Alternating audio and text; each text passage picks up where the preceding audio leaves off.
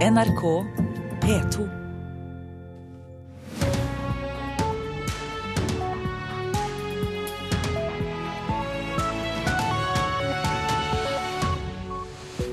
Her i Nyhetsmorgen får du det brede nyhetsbildet. I studio i dag, Øystein Heggen.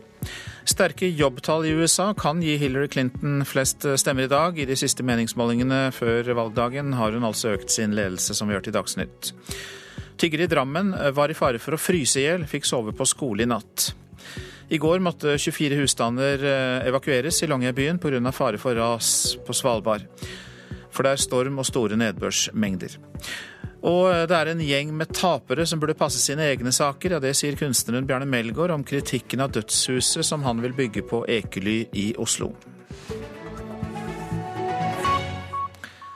For første gang på svært lenge er ikke arbeidsledigheten i USA høyere enn i Norge. De amerikanske jobbtallene er faktisk noen av de beste før et presidentvalg i moderne tid. Økonomieksperter tror det kan bidra til demokratisk valgseier i dag. Donald Trump har de siste innspurtsdagene ikke spart på kruttet i omtalen av de siste jobbtallene fra USA.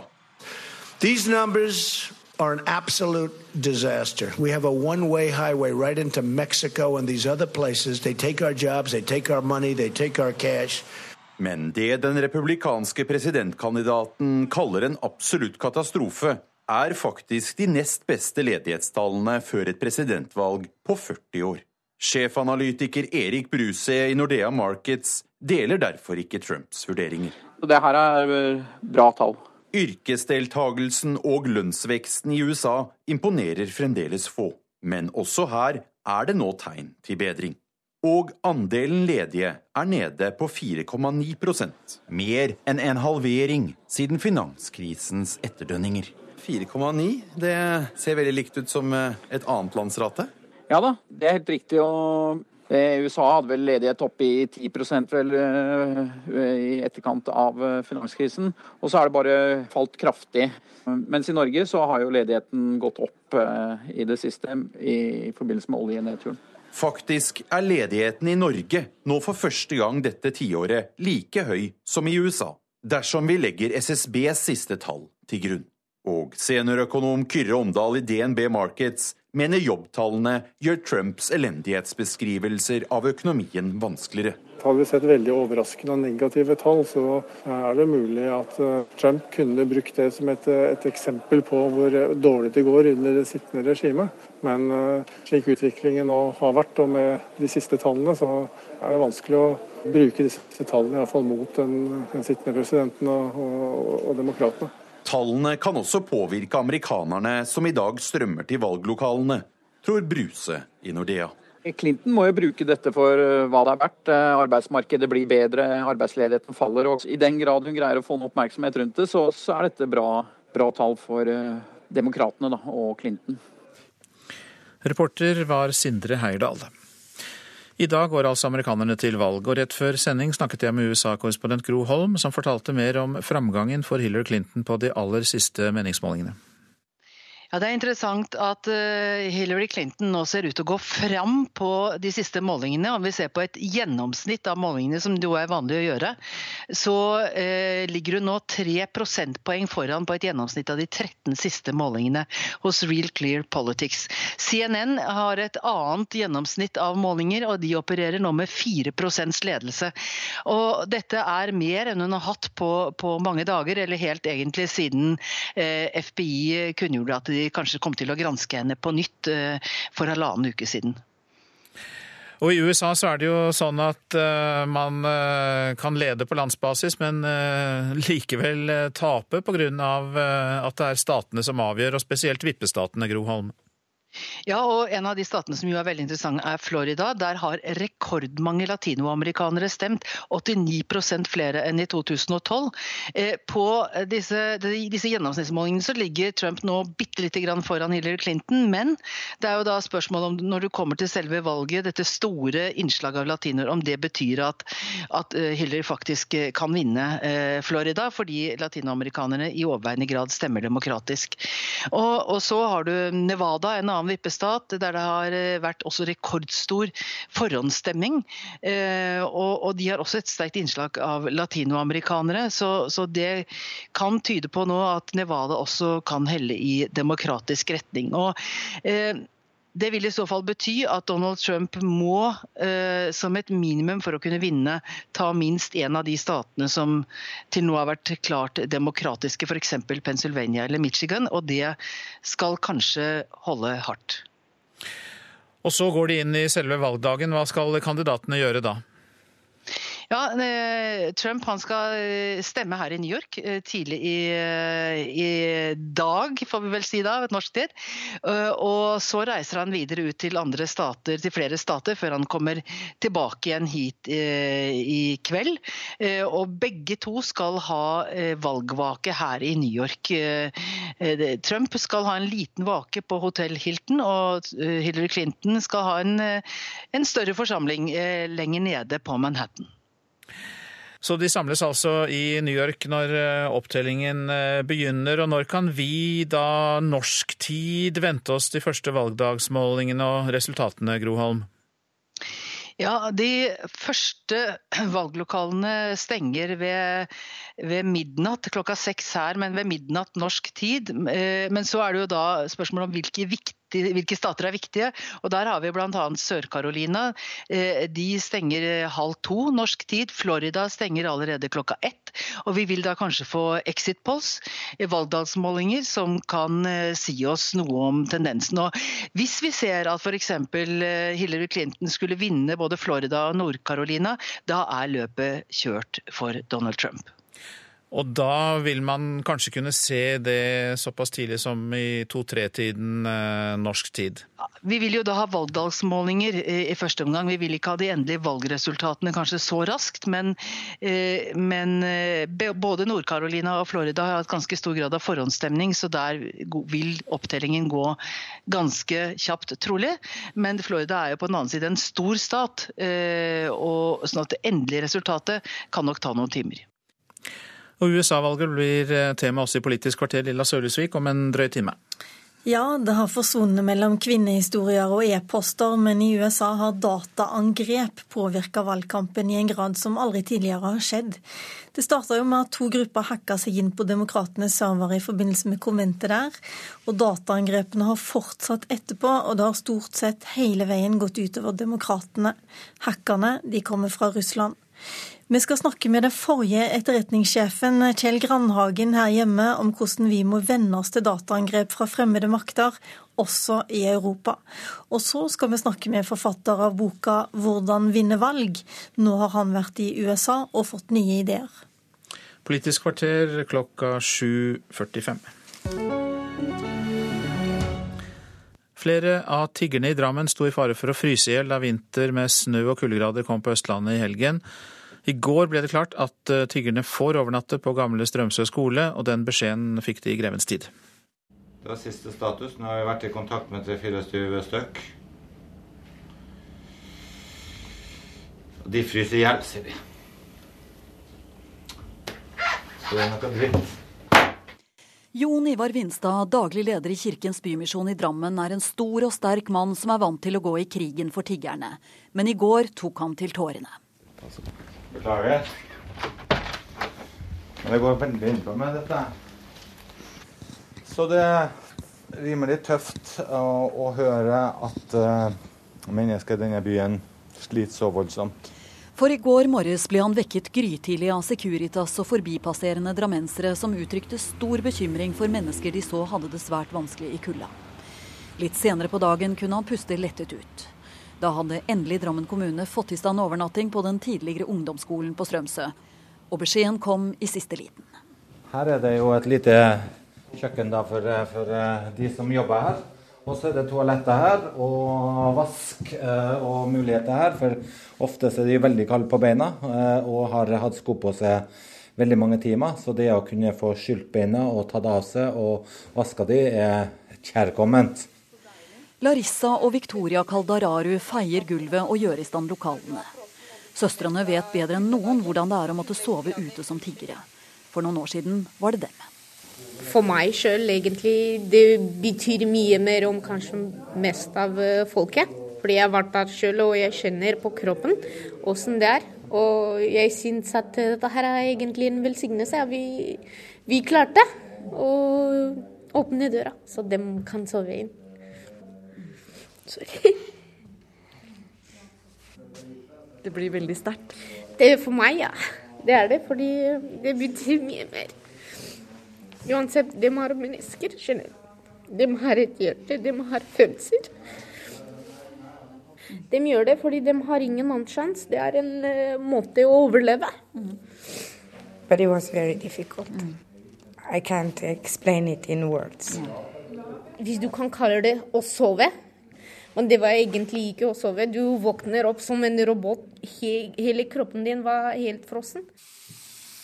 Så sjekker de at det er varmt vann i springen til de kalde føttene som venter, mens Vinstad inspiserer radiatorene. Oi. Det begynner å bli deilig. Det begynner å bli ganske varmt. Men eh, det er den luksusen vi kan dele med dem. For Var de engstelige for hva som kunne skje? De var redd for at noen kom til å fryse i hjel hvis de måtte ligge en natt der ute. Mm. Og det er reelt? Det er, tror jeg er helt reelt. De har ikke ulltøy. Uh, mange har lite klær og har ikke tepper eller liggeunderlag. Sånn at de er ikke forsvarlig kledd til å ligge ute når det er så kaldt. Tre rom, to små og ett stort, gjorde at 25 tiggere fikk tak over hodet i natt, og så lenge det er behov for det i Drammen. Larissa, som er blitt miljøarbeider, er ikke i tvil om hva det betyr. De kan føle det mennesker, rett og slett. De kan føle kroppen sin igjen på nytt. Og få egentlig mulighet til å vaske seg på beina med varmt vann og sove i en varmt seng. Så det betyr mye. Larissa Kaldararu var det som sa det, til reporter Karoline Bekkelund Hauge. Vi titter på avisene. USA-valget er tema i flere av dem. Aftenposten har grepet fatt i det positive ved kandidatene. Hillary Clinton jobber for alle, ikke bare for dem på toppen, sier hennes tilhengere mens tilhengerne til Donald Trump sier han er lidenskapelig og snakker deretter. Dagbladet skriver om en mulig sjokkseier til Trump. VG omtaler timene foran oss som et skjebnedøgn som vil endre USA. Finansmarkedene forbereder seg på det verste og frykter aksjefall dersom Trump vinner, kan vi lese både i Dagens Næringsliv og Adresseavisen. Mens Dagsavisen skriver at slagsmålet ikke er over med valget, og at kampen om USA fortsetter på Capitol Hill, altså i Kongressen hos de folkevalgte der. TV-serien Skam åpner religionsdebatten blant de unge, er oppslaget i Vårt Land. Alle som jobber med ungdom i kirkelig regi, bør se serien. Det sier Elisabeth Tveito Johnsen, som underviser ved Det praktisk-teologiske seminar. Senterpartiet varsler omkamp om Hæren, skriver Klassekampen. Det pågår en dragkamp i Stortinget om Forsvaret nå, men allerede etter valget neste år varsler Senterpartiets Marit Arnstad at de vil kjempe for Heimevernet og Hæren dersom de får regjeringsmakt. Seks av ti fjøsbranner blir aldri oppklart, får vi vite i Nasjonen. Det er langt dårligere oppklaringsandel enn for andre bygninger. Og den statistikken er hårreisende, sier Kaja Efskin i Dyrevernalliansen. Det virker som eh, gravide er mer redd for hodepine enn influens, hodepinen influensavaksinen gir dem, enn eh, det de utsetter barna for ved å ikke ta den. Det sier eh, Anne Berit Christiansen til Bergens Tidende. Hun ble livstruende syk av influensa, og mistet sitt ufødte barn, så ta influensavaksine, oppfordrer hun alle gravide kvinner. Vi smelter snø for å få vann og steiker egg på kakkelovnen. Gudmund Gustavsen er en av flere i Vegårshei som har vært uten strøm og vann siden uværet lørdag. Og da Fedrelandsvennens journalist var på besøk i går, så ventet fortsatt 2000 husstander på strøm. Beredskapen tas nå opp i Stortinget. Henrik Kristoffersen kan ta kontakt med meg når han vil, sier sportssjef i alpint Klaus Ryste. Kristoffersen har kritisert alpinledelsen for manglende støtte, og at de ikke har tatt kontakt siden i sommer. Og dessuten saksøkt Skiforbundet fordi han nektes personlig sponsoravtale. Men Ryste altså avviser at det er dårlig kommunikasjon.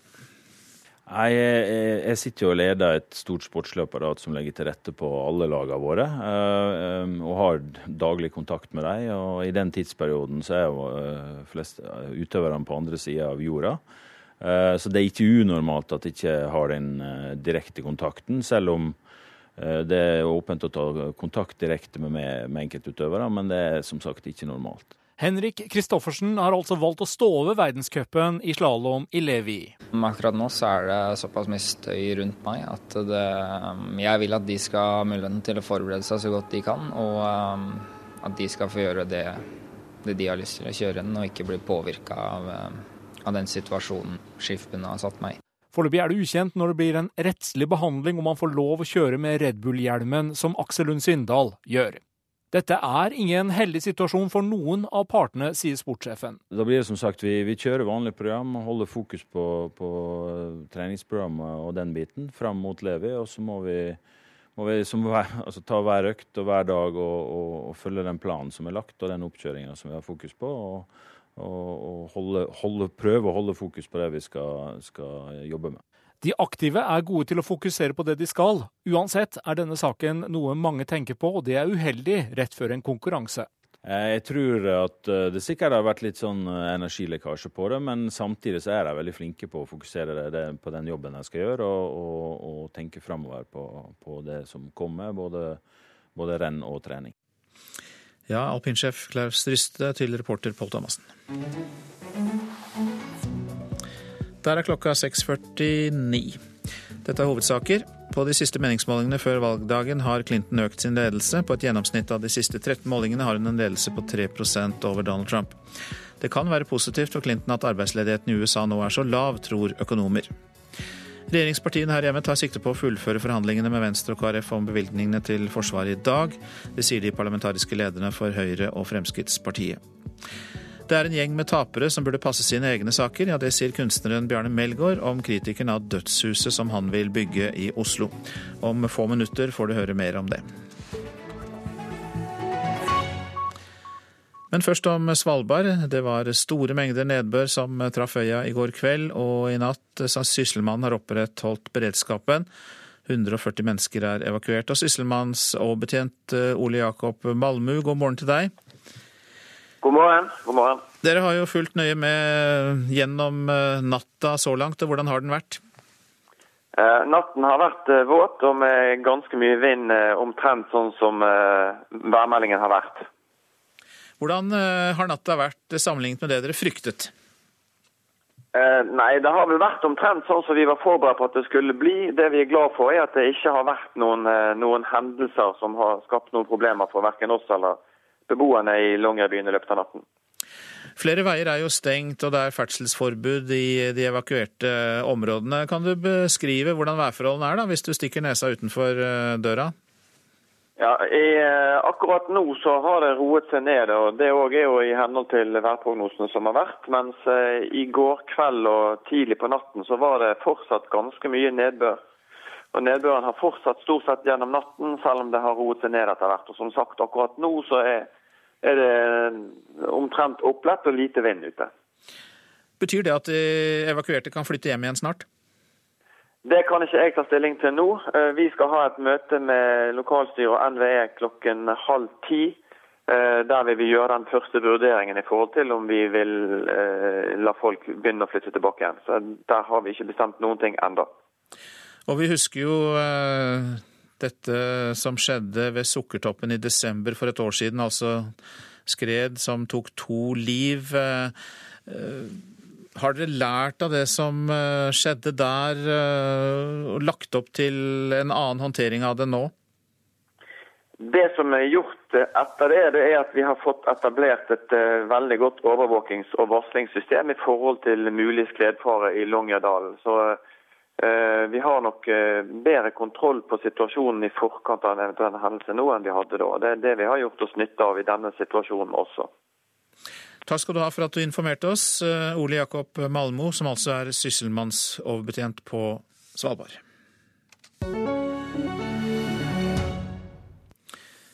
Bjarne Melgaards planlagte kunstverk 'Dødshuset' har fått mange klager. Boligen skal etter planen bygges på Ekely utenfor Oslo, samme sted som Edvard Munch bodde. Og det har eh, skapt mange reaksjoner hos naboene. Nå svarer Bjarne Melgaard for første gang på kritikken. Altså Jeg syns det er liksom sånn bare en gjeng med tapere som sitter og uttaler seg om ting som de bare burde passe sine egne saker. Bjarne Melgaard er krass i kritikken han har mottatt for sitt nye kunstverk. House to Dine, eller Dødsboligen, er et samarbeidsprosjekt mellom Melgaard, tomteeier Selvåg og arkitekter fra Snøhetta. Tidligere i år fikk prosjektet tommel opp av Byantikvaren, men da reagerte de som skal bo ved siden av det mulige kunstverket. Det er først nå Melgaard svarer på kritikken.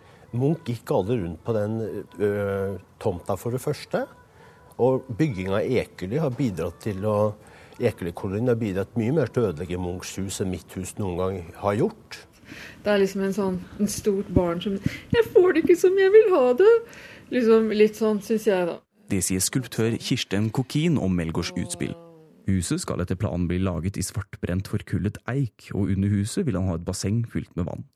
En av Nordens mest markante kunstfotografer, Per Maning, er også potensiell nabo til prosjektet. Han har klaget og er klar i sin sak. Jeg vil ikke ha et eneste hus der oppe. Det skal være fritt, og det kan, jeg synes det skal settes i stand til å bli et ø, område som ø, folk, kunstinteresserte fra hele verden, kan komme og se på. Og også da nærmiljø kan oppholde seg i. Det er masse barn rundt her som leker der og det sånn. Dette er ikke for barn. Jeg er ikke interessert i barn. Jeg liker ikke barn. Og hvis, ikke, og hvis de skal ha barna sine oppi det huset, så får de passe på dem.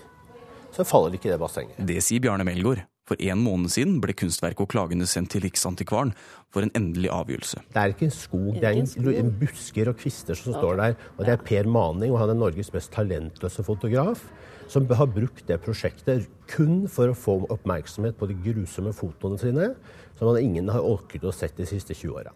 Og slik reagerer Per Maning. Det er bare, du kan, kan jo ikke si noe til det, for han, han, det er jo, han har jo ikke peiling. Dette, det er jo bare sånn eh, lalling, rett og slett. Saken har blitt sendt til Riksantikvaren og vil være ferdigbehandlet rett over nyttår. Per Maning tror ikke Melgaard vil vinne frem.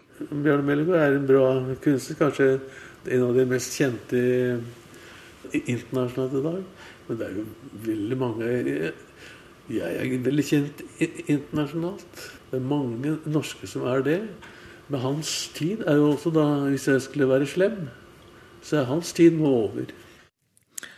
Og det var reporter Philip Johannesborg som fortalte oss om striden rundt eh, dødshuset til eh, Bjarne Melgaard. Sondre Lerche skal for første gang ut på en omfattende norgesturné. Bergenseren spiller over hele verden, men nå blir det konserter i mange småbyer her i landet. Og NRK møtte Lerche i New York, der han bor og arbeider nå. Et kvartal fra motorveien. Oppe i fjerde etasje, akkurat med utsikt til Empire State Building på Manhattan, bor Sondre Lerche. Det er elleve år siden han rømte hit, fra kjendisstatus i Norge. Jeg, jeg digger å, å på en måte lure meg unna her, og at, at det er et slags fristed. Nå sitter jeg liksom oppe i tårnet mitt og, og kan koke på med mitt uh, innimellom slagene. Det digger jeg. Ok. Det er her han skriver ny musikk. Already over trying to be alone. Brushing up on feeling free. Det var en periode jeg, jeg, eh, jeg, jeg bare ville være her, og jeg ikke ville spille hjemme. Jeg ville ikke spille noe sted. Jeg ville bare turnere i USA. Jeg ville bare leve i sus og dus her, og, og, og, og på en måte sluttet å ta telefonen og meldte meg litt ut hjemmefra. Bergenseren klarer seg bra i USA, men nå melder han seg på igjen hjemme. Jeg hadde lyst til å gjøre en gang for alle en sånn ordentlig, ordentlig norgesturné. Jeg vil spille alle steder, og ikke minst jeg vil spille alle steder jeg ikke har vært før. På nyåret blir det konsert i Ås og på Ål, i Vadsø og i Fosnavåg, og over 30 andre steder her i landet. I'm always watching. I need to see you. I'm always watching. If I can't be with you. Ikke noe vondt om Fosnavåg, men det er langt derfra til nabolaget i Williamsburg. Dette er den eldste eh, restauranten som er fremdeles i samme familie i Brooklyn. En sånn italiensk eh, mafiarestaurant. Nei. Men det er jævlig fint der inne. Sondre Lerche har ikke planer om å flytte tilbake over Atlanteren. Hey! What's going on down there? Are you making burgers? Are you making burgers? Oh my God. Well, God bless you. men han ser fram til nytt album og å melde seg på igjen som artist her til lands. Det er samme musikken og jeg er i samme fyren, men du, følger, du fyller på en måte to forskjellige roller. Så i USA så er jeg jo en slags nisjeartist med et veldig trofast og dedikert publikum som jeg har bygd opp uh, siden starten. Um, og et publikum som føler at de liksom vet om en hemmelighet som ingen andre vet om. Og det bygger jo en annen type dialog enn en f.eks. i Norge, der man er, er, veldig kjent, men ikke nødvendigvis at, at, alle har så forhold til musikken. Men du liksom har en, en kjent karakter eller profil.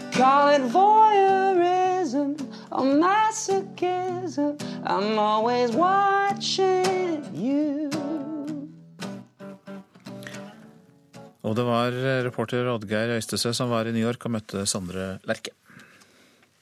Så tar vi for oss eh, værvarselet fram til midnatt. Østafjells skyet eller delvis skyet, lokalt litt snø i ettermiddag. Vestlandet pent vær, kort og godt. Trøndelag og Nordland stedvis lave skyer i grensetraktene, men ellers stort sett pent vær. Om kvelden eh, sørøst stiv kuling utsatte steder i Trøndelag og Nordland. Finnmark også stort sett pent vær, men det blir lave skyer på Finnmarksvidda og i Sør-Varanger. Sør- og sørøstlig kuling utsatte steder, og opp i sørlig stiv kuling i utsatte kyst- og fjordstrøk i Øst-Finnmark. Så går vi til Spitsbergen, som vi allerede har snakket litt om. Det blir fortsatt kraftig vind og mye nedbør. Sørvestlig liten storm utsatte steder, men til natten igjen så blir det minkende vind og nedbør. Temperaturer målt klokka fire. Svalbard lufthavn pluss fem, og ellers er det minus. Kirkenes minus ti. Vardø fire. Alta åtte. Tromsø 2, Bodø 1, Brønnøysund 4, Trondheim 11. Alt er minusgrader, altså. Molde, Bergen og Stavanger minus 5, Kristiansand, Kjevik 8, Gardermoen 6, Lillehammer 12. Røros er nede minus 27, og på Oslo-Blindern var det minus 5 da klokka var fire. Og her i Nyhetsmorgen fortsetter vi med disse sakene. Presidentkandidatene bruker de siste timene før valget til å reise landet rundt for å mobilisere flere velgere i USA. Og denne valgkampen har tæret på psyken til amerikanerne og gjort dem stressa og slitne. Vi skal psykologisere valget litt i denne sendinga. Og vi ser håp og forandring i en Trump-seier, det sier Tysklands høyrepopulistiske partileder Frauke Petri. Og antall eh, hjertetransplantasjoner er halvert sammenlignet med i eh, fjor. Og vi eh, ser det i sammenheng med transplantasjonsloven som kom i år.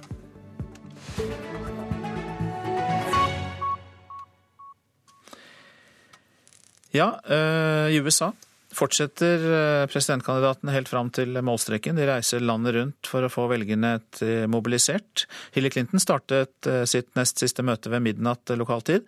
Men før det samlet Hillary Clinton et stjernegalleri foran 40 000 mennesker i Philadelphia. Ektemannen Bill og ekteparet Obama og Bruce Springsteen de var der alle sammen. Whoa, whoa, thunder roll, oh, thunder roll, thunder roll. Bruce Springsteen appellerer bl.a. til hvite velgere uten høyere utdannelse. Velgere som har strømmet til Donald Trump i dette valget. Det er mange av dem i rustbeltestaten Pennsylvania, der Clinton nå leder med fattige 1,9 prosentpoeng på et snitt av meningsmålingene. Derfor er demokraten Springsteen en viktig alliert siste kvelden før valget. Og så kom Michelle Obama, mer populær enn både ektemannen og presidentkandidat Clinton. That our daughters are safe and respected, and that our sons understand that truly strong men are compassionate and kind. Vi fortjener en leder som vil sikre at døtrene våre blir respektert, og sønnene våre forstår at ekte menn har medfølelse og er snille, sa Michelle Obama uten å nevne Donald Trumps navn.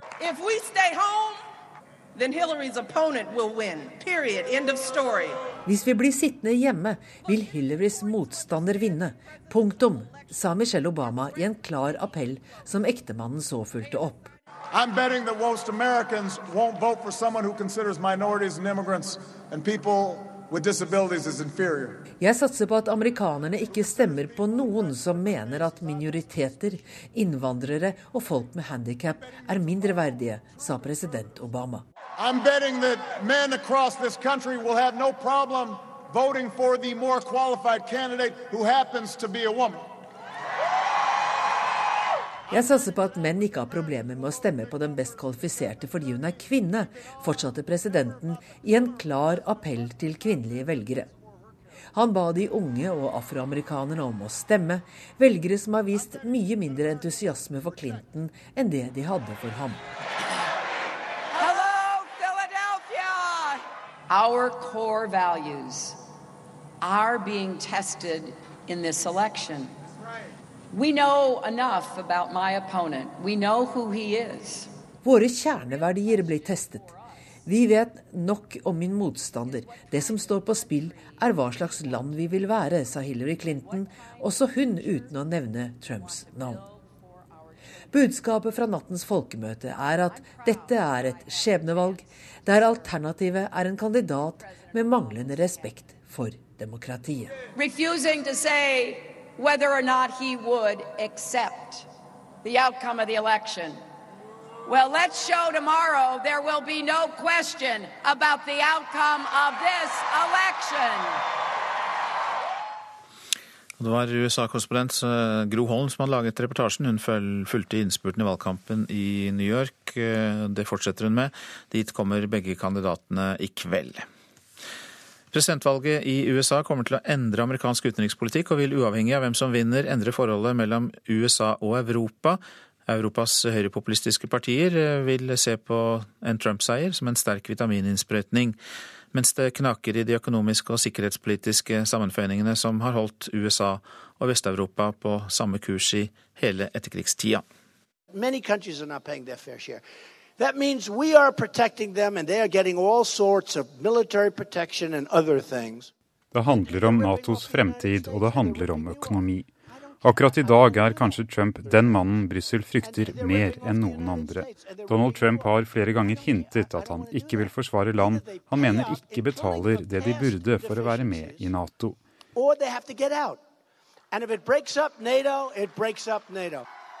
Men det er noe mer som skremmer Europas ledere og den politiske eliten enn bare sikkerhetspolitikk og økonomi. Den samme politiske splittelsen som har gitt amerikanerne den bitreste valgkampen i moderne tid, utfordrer også de etablerte politiske partiene i Frankrike og Tyskland. I Tyskland sier lederen for det sterkt innvandringskritiske partiet Alternativ für Deutschland at det finnes et skjebnefellesskap mellom middelklassen og arbeiderklassen i USA og i Europa. De opplever de samme sosiale problemene og problemene i arbeidsmarkedet som europeere, som tyskere. De ønsker å dempe konsekvensene av globaliseringen. De finner håp i Trump om han vil klare å løse problemene gjenstår å se, men han representerer forandring, sa Frauke Petri. I likhet med Trump og Marine Le Pen i Frankrike lykkes Frauke Petri med å appellere til alle de som føler de taper i den globale konkurransen, og at frihandel ikke har gitt dem noe. Da hun ble bedt om å kommentere om hun allerede har hatt et møte med Marine Le Pen, leder av Nasjonal Front, avslo hun å kommentere. I stedet sa hun at hun synes forbundskansler Angela Merkel burde møte Le Pen, da hun kan komme til å bli Frankrikes neste president. Om Marine Le Pen ikke klarer å komme seg hele veien til Élysée-palasset, er Le Pens fremgang, Trumps fremgang og Frauke Petris fremgang signaler makthaverne ikke kan ignorere. Siden 2013 har USA og EU forhandlet om en ny handelsavtale kalt TTIP. Selv om Hillary Clinton vinner valget, er det ikke på noen side av Nord-Atlanteren nå politisk mulig å ratifisere TTIP som den foreligger.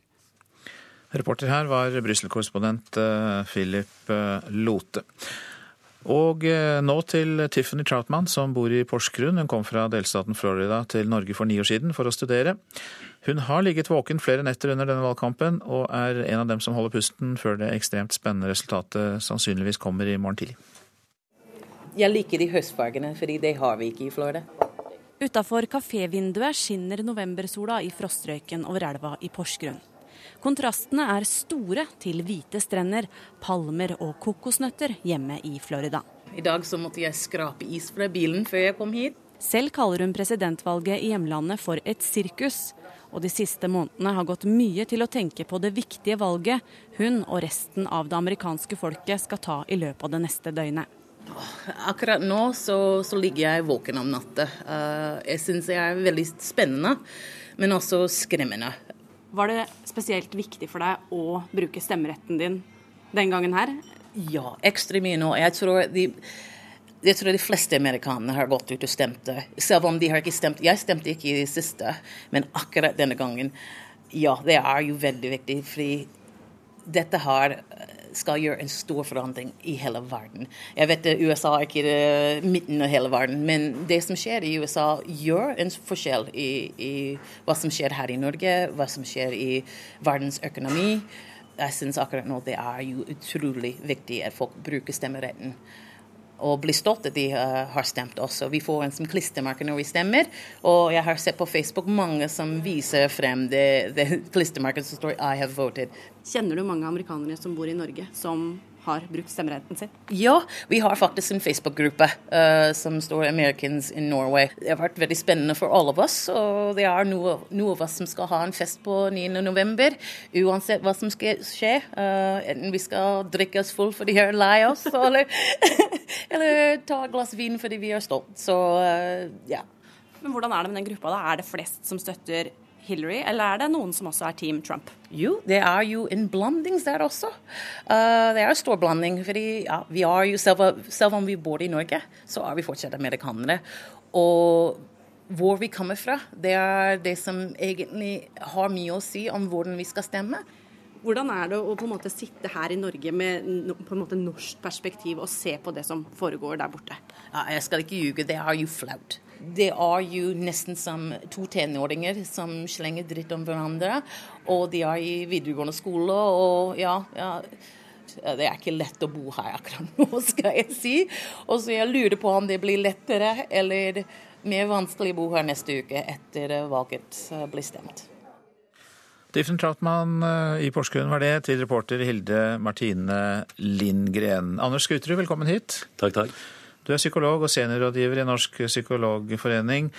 Eh, og det er jo også da en undersøkelse fra den amerikanske psykologforeningen som går ut på at valgkampen går på psyken løs for halvparten av USAs innbyggere, med stress og engstelse. Kan eh, politikken virke så sterkt inn på oss? Ja, det tror jeg nok. Altså, dette er jo verdens mektigste mann som skal velges, eller kvinne. Og i denne valgkampen har det jo vært veldig mye spilt på frykt, altså om det er terror eller innvandring eller jobbtap. Men det som kanskje er enda mer utpreget, er jo at den har spilt på mistillit. Altså at eh, hver av kandidatene er udugelig. Om de er kriminelle eller ustabile, eller at de kan finne på vanvittige ting. Sånn at en har jo all grunn til å bli redd hvis en skal høre på dette. Og jeg tenker at eh, for en del så øker det stressnivået litt blir liggende og gruble på dette istedenfor å sove, og kan bli engstelig for hva som skjer etter valget. Nå har man vel ikke sammenlignbare undersøkelser kanskje fra valg bakover i tid, men uh, tror du dette har virket enda mer inn på folk nå enn eh, tidligere? Ja, jeg tror det. Eh, det var ett moment jeg ikke tok med nå, men det var aggresjonsnivået i dette valget, som har vært veldig høyt. Og vi liker jo ikke å leve med aggresjon over lang tid. Det stresser oss også. Og der tror jeg det er enda sterkere denne gangen enn det har vært eh, tidligere. Og da med grovere ord. Hva slags uh, type følelse er det det utløser hos, hos oss? da? Altså, vi, vi, hørte jo her om uh, at man ikke får sove, stress, enkle, engstelse. Hva er det det utløser i oss? Altså I utgangspunktet er jo frykt en mobilisering. Sånn at uh, vi får da kampreaksjoner. Vi kan også få fluktreaksjoner. Og så kan vi også bli apatiske. Men jeg syns jeg ser ganske mye mobilisert aggresjon hos mange. Antageligvis henger dette sammen med at det har vært mye av det i USA over lang tid. Altså Jeg tror det er mange sånn middelklasse arbeiderklasse som har vært frustrerte, og at nå får vi kanalisert mye av de kreftene. Og jeg syns også det virker skremmende når jeg hører en del av de uttalelsene. Og vi hører de jo ofte veldig høyt også. Og slik sett så forsterker mediene disse budskapene. Men en kan jo nesten få inntrykk av at det kan bli borgerkrig der borte etterpå. Det håper jeg jo, tror ikke, men, men jammen er det sterke krefter innimellom. Mm. Eh, og så har vi også er Norge, da. Aviser, TV, radio, sosiale medier flommet over av stoff om dette valget. Eh, virker det inn på oss også, eller er det tross alt uh, fjernt? Nei, det er jo ganske nært på mange måter. Altså, USA er vår viktigste allierte. Og slik sett så blir det jo da engstelse når en begynner å rokke ved Nato-posisjonen, eller en kanskje skal begynne å bombe Iran. Hvor mange flyktninger kommer vi til å få da? Altså, Det skaper usikkerhet her også. Så jeg tenker at det er en god del nordmenn også som er veldig spente på det valgresultatet, og veldig spente på hvorledes den tapende kandidat kommer til å håndtere det i morgen. Til slutt, er det noen tips for å roe psyken? Altså Nå tror jeg vi skal tenke at det er først 20. januar det skal skje en, en overtagelse her. Og innen den tid skal det settes sammen et svært team. Det er ikke bare enkeltpersoner som styrer USA. Mange takk skal du ha, Anders Skuterud, som er psykolog og seniorrådgiver i Norsk psykologforening. Dette er Nyhetsmorgen. Klokka passerte nettopp 7.17, og vi har disse hovedsakene. På de siste meningsmålingene før valget har Clinton økt sin ledelse. Et gjennomsnitt av de 13 siste målingene viser at hun har en ledelse på 3 prosentpoeng. Store mengder nedbør traff Svalbard i går kveld og i natt. 140 mennesker er fortsatt evakuert pga. det ekstremt milde og våte været. Norsk arbeidsliv går i en mer autoritær retning, der arbeidstakerne er med på færre avgjørelser på arbeidsplassen sin. Det viser en rapport fra Arbeidsforskningsinstituttet. Antall hjertetransplantasjoner er halvert i forhold til samme periode i fjor. Flere står i kø for å få et nytt hjerte, men samtidig er rekordmange negative til å donere bort organer. En av tre pårørende sier nemlig nei når de blir spurt om noen andre kan få overta ett eller flere organer fra den de har mistet. Torunn Bjørgo var 18 år da et ja til organdonasjon reddet livet hennes. Det er jo en uh, enorm takknemlighet, altså. Det hender jeg får sånn intens lykkefølelse. Og senest nå var etter jeg flytta til Trondheim, så gikk jeg opp eh, Geitfjellet. Og på veien ned igjen så fikk jeg bare en sånn enorm eufori og tenkte at eh, vet du hva, dette var det ikke sikkert at jeg skulle få oppleve. Det året Torunn fikk nytt hjerte her på Rikshospitalet, var de 30 stykker som fikk det. Nå fem år senere tar hun fag for å få fullført videregående. Så langt i år har kun 15 stykker fått samme sjanse som Torunn. Til sammenligning ble 37 personer hjertetransplantert i fjor. Overlege ved hjerte-lunge- og karklinikken på Rikshospitalet, Arnt Fiane, liker ikke trenden. Det er bekymringsfullt først og fremst eh, knyttet til hjertetransplantasjon. Vi har hatt et stabilt antall transplantasjoner gjennom mange år, og i år ser vi at antallet transplantasjoner har eh, falt. Men det er ikke bare hjerter det doneres færre av. Andelen som sier nei til organdonasjon ligger an til å bli rekordhøy i år. I de fleste tilfellene er det pårørende som sier nei, Transplantasjonskoordinator ved Rikshospitalet, Per Arne Bakkan, er bekymra. Sånn gjennomsnitt de siste ti årene så har det vært sånn ca. 25% avslag. Vi fikk jo en ny lov 1.1. Om det er den som slår inn, det er jo altfor tidlig å si, men en kan jo spekulere. Den nye transplantasjonsloven plikter nå helsepersonell å fortelle pårørende at de har rett til å si nei. Bakkan frykter dette slår negativt ut. Vi ønsker jo ja til donasjon, sier han. Så er jeg likevel eh, forplikta til å informere dere om at dere kan si nei. Og det blir liksom en sånn merkelig setting i en sånn samtale. Der kanskje pårørende i utgangspunktet var positive, og så begynner de å, å, å lure litt sjøl òg. Kanskje de da ombestemmer seg, egentlig var de positive, og så blir det nei. I tillegg er det nå nok at kun én av de pårørende sier nei. Leder i stiftelsen Organdonasjon, Hege Lundine Kule, tror de nye endringene har gjort noe med samtalen. Kanskje får dette bråe spørsmålet om organdonasjon, og du aldri har snakket om det, eh, så kan det rent intuitivt være å si nei, dette blir for mye. Men når da helsepersonell med loven eh, bak seg faktisk må si men det er greit, du har lov å si nei, fremfor å si men hva er det som gjør at du sier nei, kan vi hjelpe deg litt? Eh, hva tror du, hva slags person var han, osv. Det har skjedd en endring her som vi er redd for kan ha påvirket nei-andelen. Torunn Bjørgo skjønner at det kan være vanskelig å ta stilling til organdonasjon for første gang på sykehuset. Derfor må vi alle bli flinkere til å snakke om det, sier hun. Og kanskje kan det også være en trøst i etterkant å vite at uh, selv om vår mor eller far eller bror og søster har gått bort, så har de kanskje reddet opptil syv liv. Da. Så hvis jeg skal komme med en oppfordring til folk, da, så er det jo bare om å sette seg ned i dag rundt middagsbordet og ta det opp. Hva syns vi om dette? Er vi villige eller ikke? Og så er det ikke noe mer komplisert enn det. Torunn Bjørko til reporter Lena Gundersby Gravdal. Leder i helse- og omsorgskomiteen på Stortinget, Kari Kjønaas Kjos fra Fremskrittspartiet, god morgen til deg. God morgen. Vi eh, hørte her Torunn Bjørgo fortelle om en intens lykkefølelse fordi hun fikk et hjerte og sannsynligvis da reddet livet. Dere kan ha risikert ved den nye transplantasjonsloven å ta bort den lykkefølelsen fra en del mennesker? Ja, da har vi i så fall laget en lov som eh, ikke var eh, hensikten. Ehm, vi, når vi jobbet med den loven, så var vi veldig opptatt av at den positive holdningen til organdonasjon som vi faktisk har i Norge, skulle, eh, skulle bestå. Eh, og det betyr at vi eh, bevilget mer penger til arbeid med å, viktigheten av å, å ta stilling til dette. Vi var opptatt av at avdødes mening skal følges, uansett hva pårørende mener. Men så er det jo noen tilfeller hvor pårørende ikke vet. Eh, og da eh, skal vi respektere deres ønsker. Og det er fordi at det er viktig for oss å opprettholde en positiv tanke rundt organdonasjon. Og ikke sånn som det er i noen land, hvor det kommer påstander om at man stjeler organer fra avdøde, at vi selger organer, og at dette blir en negativ sak. Så har jeg lyst til å legge til at hvis du går inn og ser på avslagsprosenten, så har den svinget opp og ned hvert eneste år. Den nye loven har virket i mindre enn ett år. Så jeg vil ikke konkludere noe på dette, men at det er bekymringsfullt, det, det er jeg helt enig i. Og det er veldig viktig at vi følger med på dette. Og særlig de som snakker med de pårørende, altså de legene og det helsepersonellet som snakker med pårørende. De må komme tilbake til oss hvis de sier at måten de nå må snakke med foreldrene på, er feil.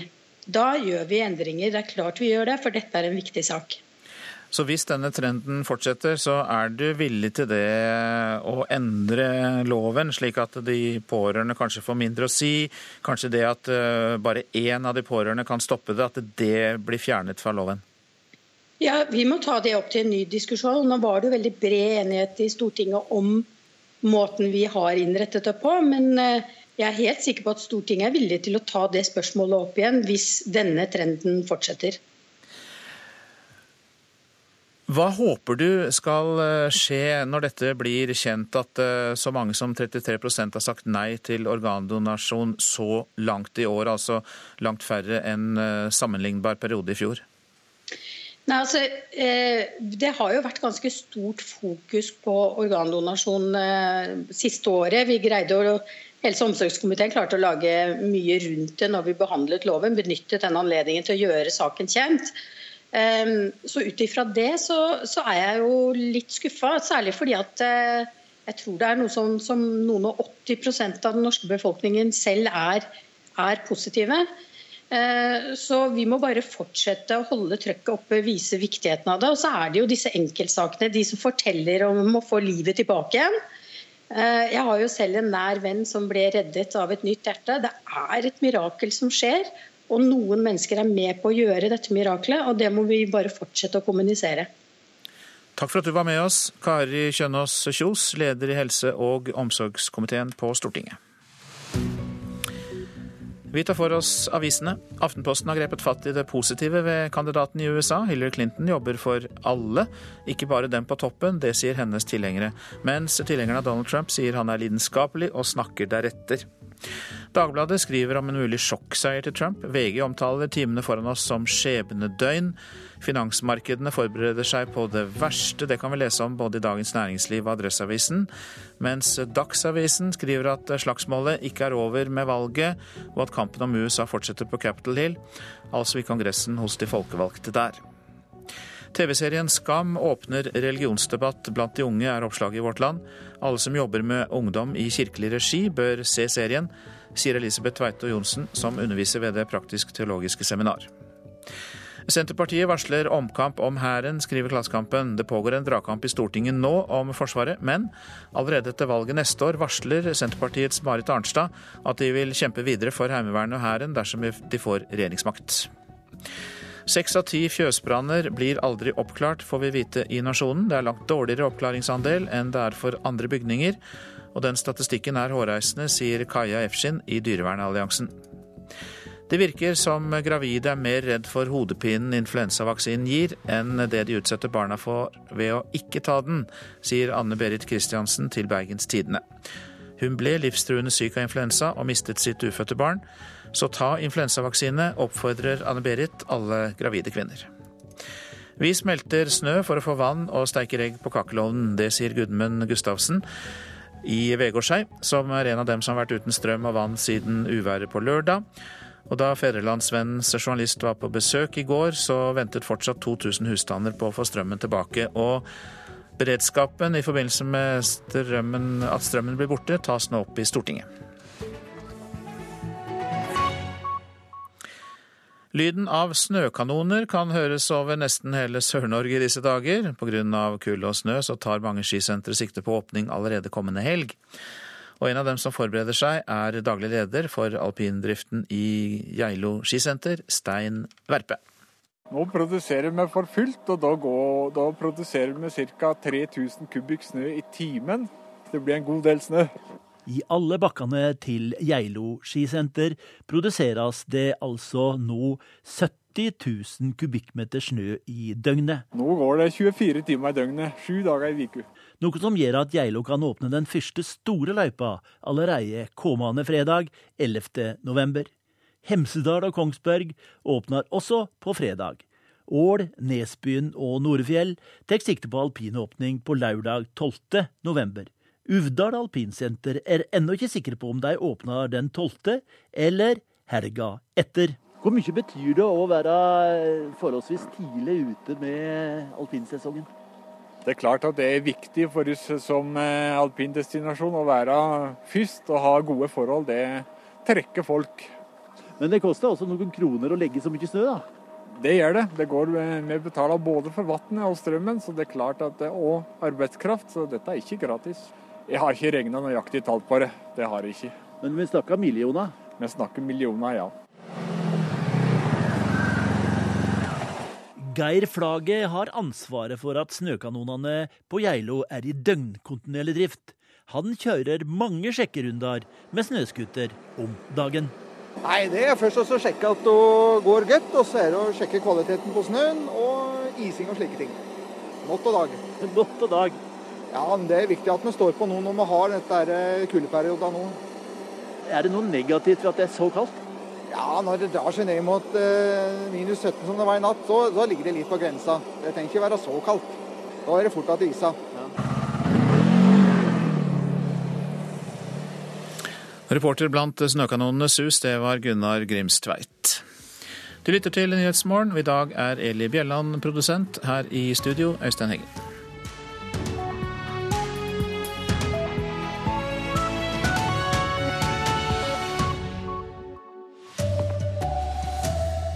USA holder pusten de neste timene. Den tøffeste valgkampen noen gang er over. Og knivinga i årets presidentvalg har fått amerikanere over hele verden til å bruke røysteretten sin.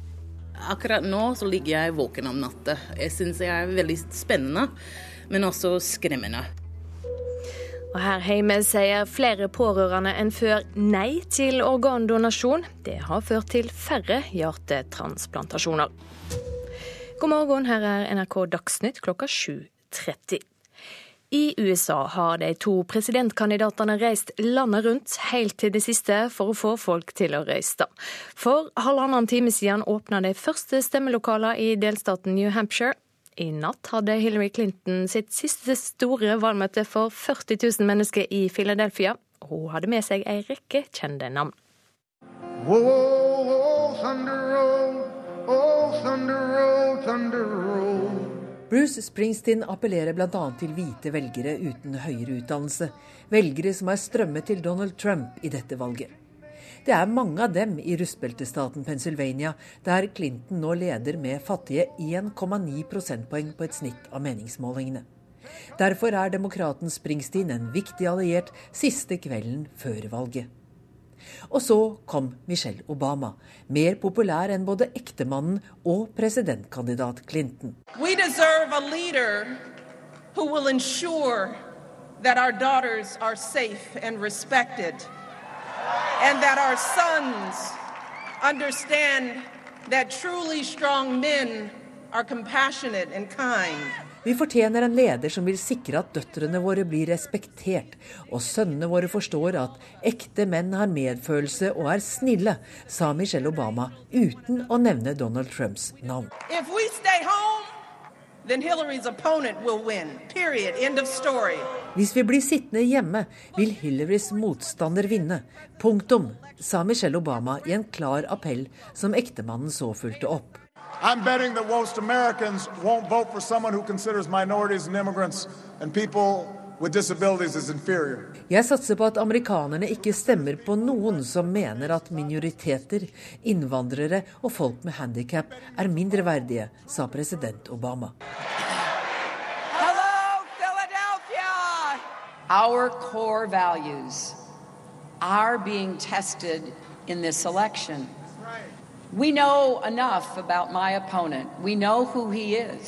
Våre kjerneverdier blir testet. Vi vet nok om min motstander. Det som står på spill, er hva slags land vi vil være, sa Hillary Clinton, også hun uten å nevne Trumps navn. Well, let's show tomorrow there will be no question about the outcome of this election. Republikanerne sin presidentkandidat Donald Trump har også hatt en hektisk innspurt på valgkampen. I natt talte han til sine tilhengere i Grand Rapids i Michigan, og Trump var ikke redd for å nevne navn. Kan du imagine having Hillary Clinton for four years? Can you imagine?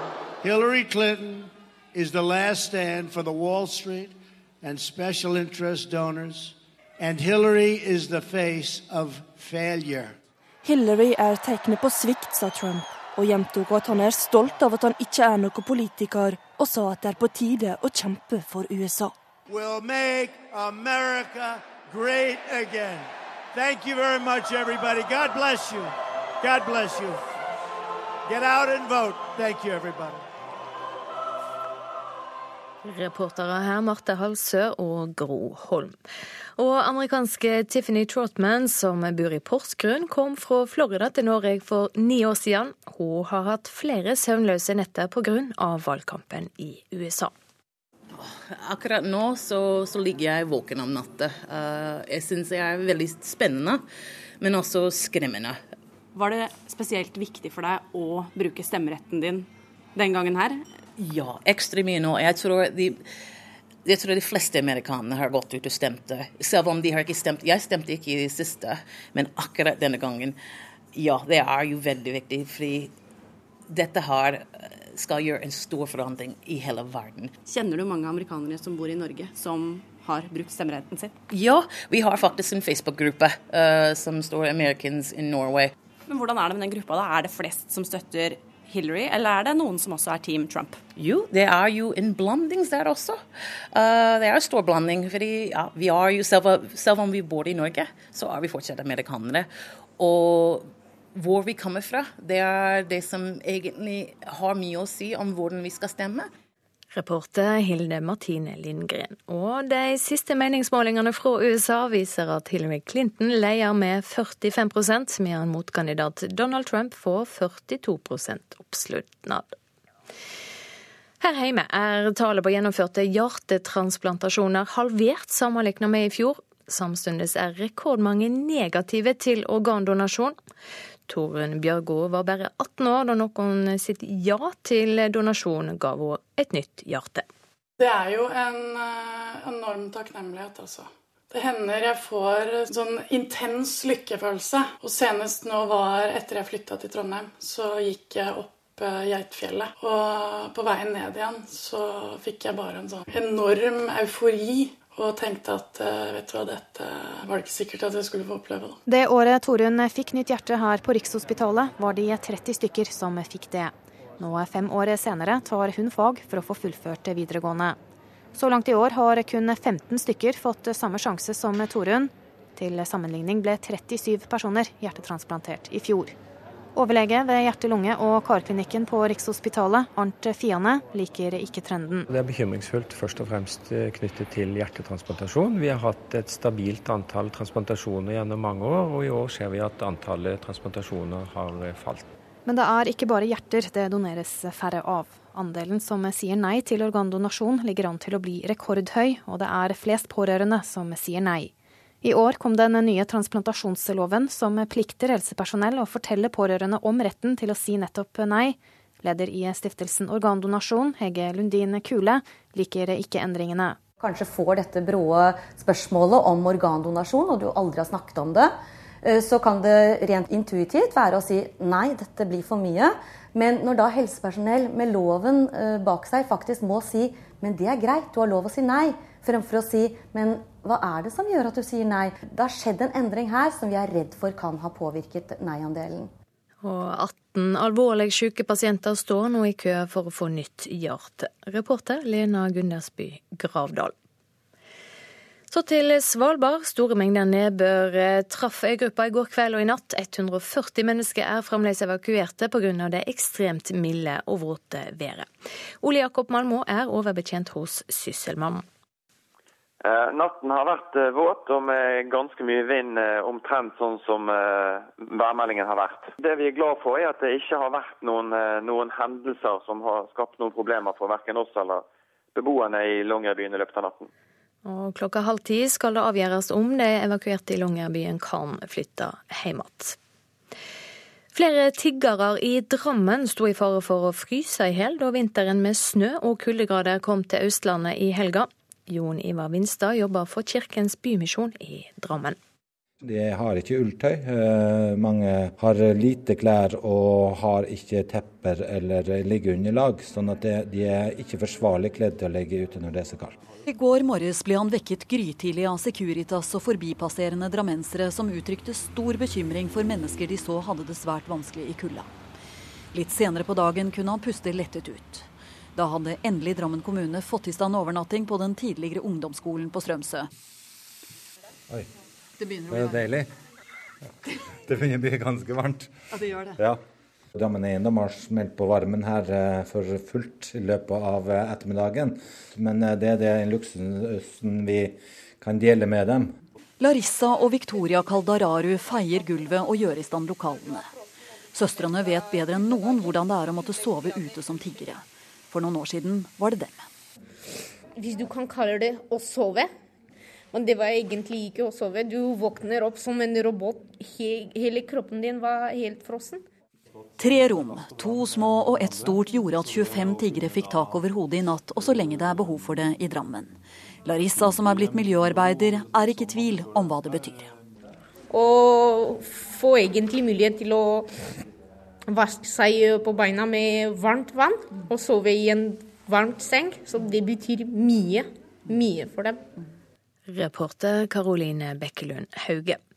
Ansvarlig for NRK Dagsnytt denne morgenen, Bjørn Christian Jacobsen. I studio, Silje Sande. I Nyhetsmorgen ser vi USA-valget fra Kina. I Beijing er nervene i spenn før USA-valget, ikke minst fordi Trump har varslet handelskrig og straffetoll på kinesiske varer. Men så er det enkelte kinesiske analytikere som frykter Hillary Clinton mer. At det skal bli en større prøvelse for forholdet mellom stormaktene. Korrespondent Peter Svaar har laget denne reportasjen.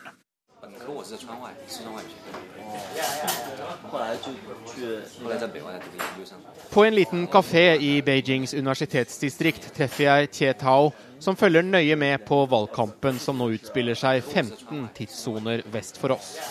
Professoren i internasjonal politikk ved Universitetet for internasjonale studier her i Beijing tror ingen av de to kandidatene er spesielt godt nytt for forholdet mellom Kina og USA. Well, I would say the key difference is uh, Hillary Clinton sounds more tough on national security and, and, and traditional security uh, issues, for example, South Tennessee. She also has Den viktigste forskjellen på dem er at Clinton har vært tøffere i sikkerhetspolitikken og f.eks. striden i Sør-Kina-havet. Hun har også en lang historie med å kritisere Kina for brudd på menneskerettighetene, mens Trump har snakket mest om handel og hvordan handelen med Kina er en av de dårligste avtalene i USAs historie, sier professor Kje. Obama-administrasjonen har de siste åtte årene drevet en ambisiøs Asia-politikk, en såkalt dreining mot Asia. Obama har vært på flere statsbesøk her enn noen annen president i moderne tid, og han har systematisk styrket militære og politiske allianser med Kinas naboland, særlig i striden om havområder i Sør-Kina-havet. Clinton var som utenriksminister arkitekt for den politikken, mens Trump har sagt svært lite om Kina så langt i valgkampen. No, if you go back to the three presidential debates, I don't recall that he had any like two or three sentences about South China Sea. So that's why I suspect that he does not really have strong preferences. I de tre TV-debattene husker jeg ikke at Trump nevnte Sør-Kina-havet med ett ord, så jeg tror Trump ikke har så sterke meninger om det emnet, og ikke helt vet hva han vil. So from our point of view, I would say we care more about candidates' position on South Tennessee, and that's also viewed as part of the. For Kina er Sør-Kina-havet og sikkerhetspolitikken viktigst, og om denne politikken med en dreining mot Asia skal fortsette. Det er viktigere for oss enn trusler om handelskrig, som Trump også har truet med 45% straffetoll på kinesiske varer for å hente arbeidsplassene hjem til USA. I would say mostly empty talk. Maybe you would see some more anti-dumping investigations against the Chinese companies.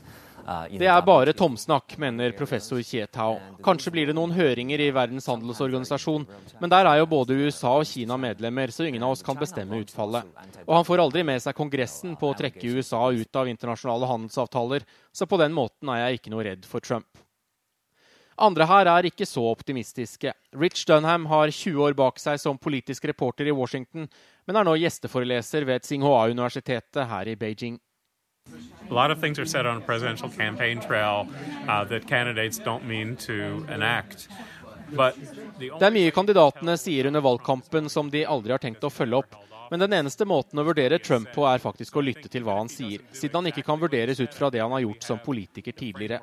Retorikken hans har vært svært fiendtlig mot både Kina, Japan og Sør-Korea, og jeg tror at Trump som president vil teste grensene for presidentens makt ved å forsøke å gå ut av handelsavtaler eller anklage Kina for valutamanipulasjon, sier Dunham.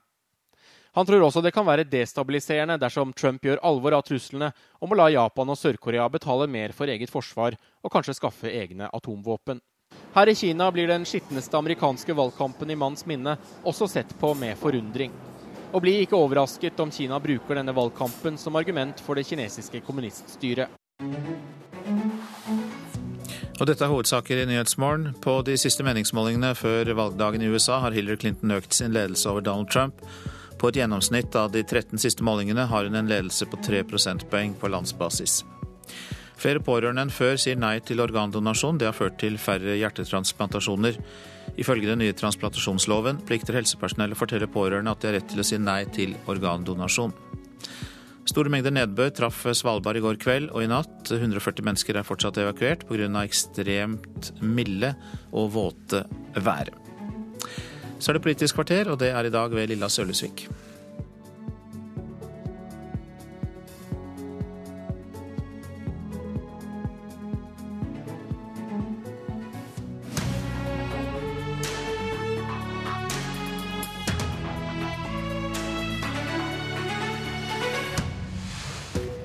USA-valget er i gang. Det har forsvunnet mellom kvinnehistorier og e-poster, men i USA har dataangrep påvirka valgkampen i en grad som aldri tidligere har skjedd. Og så skal vi snakke med en forfatter av boken om hvordan man vinner valg. Han er med fra Washington, der han har plukka opp et par nye ideer. Da den norske etterretningssjefen la fram trusselbildet ved starten av dette året, så advarte han mot det som for mange av oss var et temmelig ukjent uttrykk, nemlig cyberangrep. Men eh, jammen har vi lært mye om dataangrep utover året, og nå særlig gjennom den amerikanske valgkampen. Og tidligere etterretningssjef eh, Kjell Grandhagen, nå er du rådgiver i DNB. I hvor stor grad skal vi venne oss til at fremmede makter vil prøve å påvirke valgkamper? Ja, det er jo slik at eh, Vi er på vei over fra et trusselbilde som stort sett var i det fysiske domenet, til et uh, trusselbilde som i veldig stor grad fremover kommer til å være i det digitale rom. Og Stormakter kommer til å gjøre mye i det rommet. De kommer til å spionere på hverandre. Men de kommer også til å bruke dette som et medium til å påvirke. Og Det vi har sett i USA nå, er jo at Russland på en indirekte måte gjør det gjennom de innbruddene de har gjort i det, det, det demokratiske partiets uh, ulike systemer, uh, har fått, for, fått dette offentliggjort. Uh, og det er brukt av den ene av partene i valgkampen. og det gir en indikasjon på hva vi kan vente oss å se i fremtiden. Ikke bare på det området, men også på andre områder. Er du overraska? Du gikk av som etterretningssjef ved nyttår og ble erstatta i januar-februar. Man er jo blitt advart mot dette, men er du overraska like over, over omfanget? Eh, altså Jeg er ikke overrasket over at utviklingen går i den retningen. For vi har sett påvirkning i det fysiske domenet, altså mellom mennesker, eh, i fortid. Eh, det er viktig for eh, stormakter å ha den muligheten. Men eh, denne overgangen i det digitale rom tror jeg ikke det er alle som har tatt inn over seg. Jeg tror nok eh, jeg har sett denne utviklingen komme, og det er jo også langt farligere aspekter av denne utviklingen, som f.eks.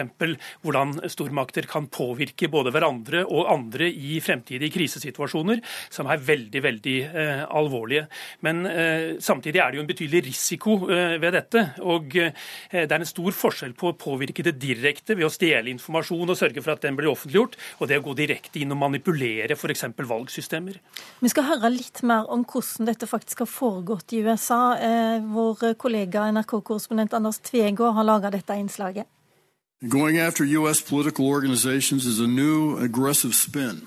Dette er etterretningssjef James Clapper, som for et par uker siden påstår at russerne står bak det han ser på som et pågående forsøk på å manipulere valgprosessen. Han mener russiske myndigheter trekker i trådene og har styrt datainnbruddene og lekkasjene av e-poster fra personer og institusjoner her i USA, inkludert de fra amerikanske politiske organisasjoner. We assess it be very difficult for someone, anyone, to alter actual ballot counts or election results Clapper tror ikke det vil være mulig å påvirke eller manipulere antall avgitte stemmer eller selve resultatet, siden stemmemaskinene og urnene ikke er koblet til internett. Men han frykter det kan bli publisert falsk materiale som påstått skal bevise valgfusk eller annen feilinformasjon som har med prosessen å gjøre. I'm afraid the election's going to be rigged, I have to be honest. Donald Trump har gjennom valgkampen påstått at valget blir manipulert, men han vil til tross for klassifiserte sikkerhetsbrifer ikke legge skylda på Russland. Det gjør derimot Hillary Clintons kampanje, selv om demokratenes kandidat har brukt ordene en utenlandsk makt. We have never in the history of our country been in a situation where an adversary, a foreign power, is working so hard to influence the outcome of the election. Ja, Kjell Grandhagen, hvorfor eh, tror du russerne er så interessert i det amerikanske valget og påvirker det? Det er helt uh, åpenbart. De har gjort en vurdering av de to kandidatene og uh, sett uh, hvilken kandidat de tror er mest fordelaktig for dem selv. russerne er jo i en meget krevende situasjon nå med en anstrengt økonomi, store både kortsiktige og langsiktige utfordringer. Og hvordan både USA og kanskje også like mye EU kommer til å forholde seg til Russland fremover, er av den absolutt største viktighet for dem. Jeg er helt enig i den vurderingen som min gode venn den amerikanske etterretningssjefen Jim Clapper eh, gir uttrykk for eh, i dette. Det er helt klart at dette er sporet tilbake til Russland. Nå skal vi huske på at det betyr ikke nødvendigvis at det er statlige institusjoner som står bak. Russiske myndigheter bruker i betydelig grad hackergrupper til å gjøre jobben for seg, for at det skal se mer tilforlatelig ut. Men realiteten er at denne virksomheten har et, en opprinnelse i Russland. Ja, Vi kan jo høre med deg, Morten Jentoft, du er med oss fra Moskva som korrespondenten vår der. Eh, det er vel sånn at russiske myndigheter blånekter her nå også? For at det er de som står ja. bak? Ja, eh, Russlands president Vladimir Putin var jo ute og snakket om eh, dette i forrige uke. Han eh, kaller det for hysteri fra USA, og tror virkelig, at, tror virkelig amerikanerne at russerne kan påvirke det amerikanske valgets det eh, amerikanske folkets valg, sa Putin. Og han brukte jo uttrykket om eh, eh, amerikanerne ser på seg selv som en slags bananrepublikk. Russland mener at USA er en, en stormakt. Vi skal ikke undervurdere akkurat det. Men samtidig, som det ble sagt her, så er det jo ingen som helst tvil om at flere russiske hackergrupper, som disse to gruppene Fancy Bear og Cozy Bear, Eh, de har jo åpenbart da eh, klart å komme seg inn i amerikanske systemer. Fancybear, eh, det som skjedde i, forbindelse med offentliggjøringen av opplysninger fra WADA, dette internasjonale antidopingbyrået, det var det jo ingen som helst slags tvil om at det stammet ifra Russland. Hensikten var å vise at det var ikke bare russerne som driver med doping, det er også andre som driver med. Og også er det vel ingen som helst slags tvil om at denne andre gruppen som har vært trukket frem, Cozy Bears, er gruppen som har vært involvert i eh, det som har kommet ut fra eh, det demokratiske partiet i USA, bl.a. disse e-postene til John Podesta, eh, Hillary Clintons kampanjeleder. Sånn at russerne er aktive her. Så er spørsmålet hvor styrt er dette ifra, helt fra toppen i samfunnet. Men vi vet jo i hvert fall at Eh, Donald Trump har skrytt mye av Putin. Vi vet også at eh, Putin har et godt forhold til Marine Le Pen, f.eks. i Frankrike, og at man eh, støtter europeiske høyre radikale bevegelser, altså også i Europa, Grandhagen. Ja, det er eh, kommet frem stadig mer informasjon som peker i den eh, retning. Jeg tror vi skal ta utgangspunkt her at, at russerne er nok selektive i valg av hvilke land de eventuelt går inn med en slik eh, påvirkning. USA er åpenbart interessant, et land som Frankrike er åpenbart interessant. Og vi har sett en del tilsvarende aktivitet også rettet mot land både i Sør-Europa og i Øst-Europa av EU-landene. Og da må jeg jo spørre, for vi har jo en valgkamp coming up neste år her i Norge også. Vil russerne være interessert i å påvirke den valgkampen? En slik innsats eh, er ganske omfattende hvis man skal ha noen mulighet til å lykkes med det. og Det forutsetter en, en, at det er strømninger i befolkningen som på en måte eh, er åpne for eh, den påvirkningen som dette kan gi. Og det må også være en tro på at dette kan gi en betydelig effekt hvis man skulle gjøre det. Jeg vil nok tro at Norge rangerer ganske langt nede på den listen med den politiske stabiliteten og betydelig grad av tverrpolitisk enighet som vi har i vårt land i øyeblikket. Så de er ikke så veldig opptatt av om det er Erna Solberg eller Jonas Gahr Støre som blir eh, statsminister? Jeg tror ikke de forventer en betydelig endring i utenrikspolitikken som følge av et uh, skifte mellom de to. Mm -hmm. Jeg er nødt til å spørre deg også som fagmilitær tidligere, nå er du riktignok sivil i, i DNB, men hva tenker du om FBI-sjefens påvirkning på valgkampen? Det er jo ikke bare russere som er inne og gjør uortodokse ting her? Det har jo vært en katastrofe, eh, simpelthen. Eh, og det at eh, FBI, med den posisjonen de har i det amerikanske samfunn, har blitt så involvert i sluttfasen av denne valgkampen, det er noe som FBI kommer til å slite lenge med å komme seg ut av. Det er lett å forstå det dilemmaet som James Comey sto i da disse sakene kom opp. Han har vært under et enormt krysspress fra flere kanter.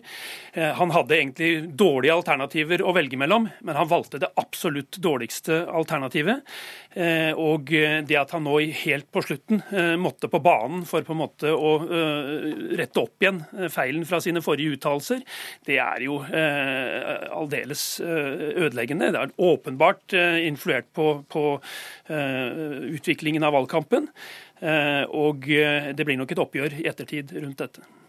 Jeg må også spørre deg, nå mens vi sitter her og snakker, så sitter vel folk i Stortinget og prøver å bli enige om en langtidsplan for Forsvaret. Dette nye, denne nye typen av angrep, som dataangrep faktisk er, svarer forsvarsplanen på de utfordringene som ligger der? Jeg tror ikke forsvarsplanen alene uansett kunne svare på det. Eh, det som er eh, utfordringen tror jeg her til lands, er at vi har ikke eh, på en skikkelig måte tatt inn over oss dette skiftet som jeg nevnte, fra trusler i det fysiske domenet til det som skjer i det digitale rom. Og Vi går inn i en utvikling nå hvor antall gjenstander på verdensbasis som er knyttet til internettet, kommer til å gå fra 7 milliarder i dag til 70 milliarder i 2020 og kanskje 1000 milliarder i 2025. Alt kommer til å være knyttet til internett. og trusselmulighetene øker dramatisk. Det fordrer en eh, helhetlig, grundig statlig strategi for hvordan man skal tilnærme seg eh, trusselbildet i det digitale rom fremover. og Det mangler vi i Norge. Og Vi mangler også et sentralt ledelsespunkt på øverste politiske nivå som håndterer eh, den type situasjoner som vi kan komme opp i eh, der.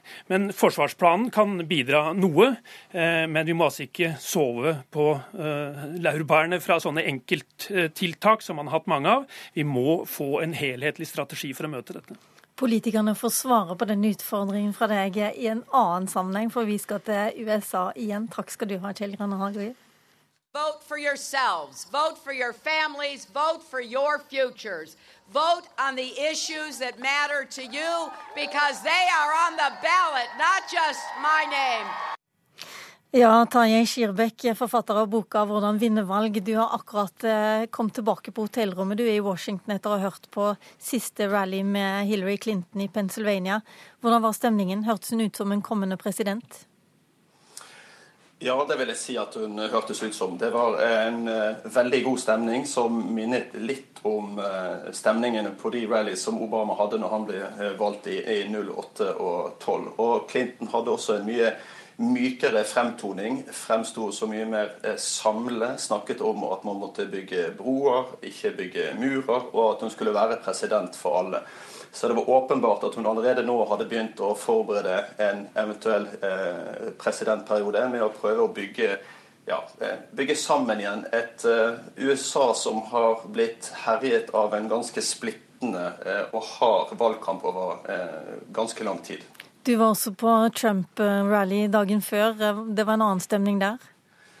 Ja, det var en annen stemning, men det som slår en når en kommer til Trump-rally på et jorde i eh, Virginia som ble trommet sammen på en dag, er at det kommer 8000 mennesker. Eh, og det er helt normale eh, mennesker som føler seg ikke sett, forbigått, er frustrert. Og de kommer for å høre en mann som setter ord på de følelsene som de har Eh, og setter ord på de problemene som de opplever at de har, og som Washington, og da personifisert med Hillary Clinton, ikke bryr seg om ifølge eh, disse velgerne. Så det var ikke så stor forskjell på de to velgergruppene, eh, må jeg si. Men det er klart tonen er veldig forskjellig. Trump har jo en veldig aggressiv tone, veldig de og oss. Og det appellerer jo til disse velgerne som også føler at det nettopp er sånn. Du har jo skrevet en slags oppskrift på hvordan man skal vinne valg i boka di. Skal du endre på den oppskriften etter det du har vært med på? Nei, altså, jeg, jeg, tror ikke det finnes én oppskrift. Eh, men generelt så handler vel det å, å, å, vinne valg om å treffe en gjengs virkelighetsoppfattelse som, som råder eh, i det samfunnet du skal stille til valg i. Og ikke minst treffe de problemstillingene som folk er opptatt av, og som gjerne også politikerne ønsker at velgerne skal ta eh, stilling eh, til. Og det har vel blitt enda eh, tydeligere eh, når vi har vært her. Eh, det er to forskjellige virkelighetsoppfattelser mellom Hillary Clinton og Donald Trump. Og det speiler seg også i politikken og i, i retorikken.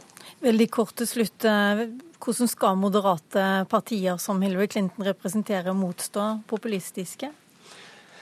Ja, altså det er klart Han har, er jo litt populistisk, nasjonalistisk orientert, og, og, det minner litt om enkelte partier vi kjenner igjen fra eh, Europa. Eh, men han er veldig flink til å sette ord på ting som eh, folk opplever som reelle utfordringer. Og utfordringen for eh, Hillary Clinton og andre moderate partier er vel å ja, å ta de emosjonene eh, mer på alvor. For her handler det om emosjoner og opplevelse av ting, og ikke rasjonelle og ikke, heller ikke alltid konkrete løsninger. Takk skal du ha, Tarjei Skirbekk fra USA. Programleder i dag, det var Lilla Sølhusvik. I morgen er det alvor. Da vet vi resultatet.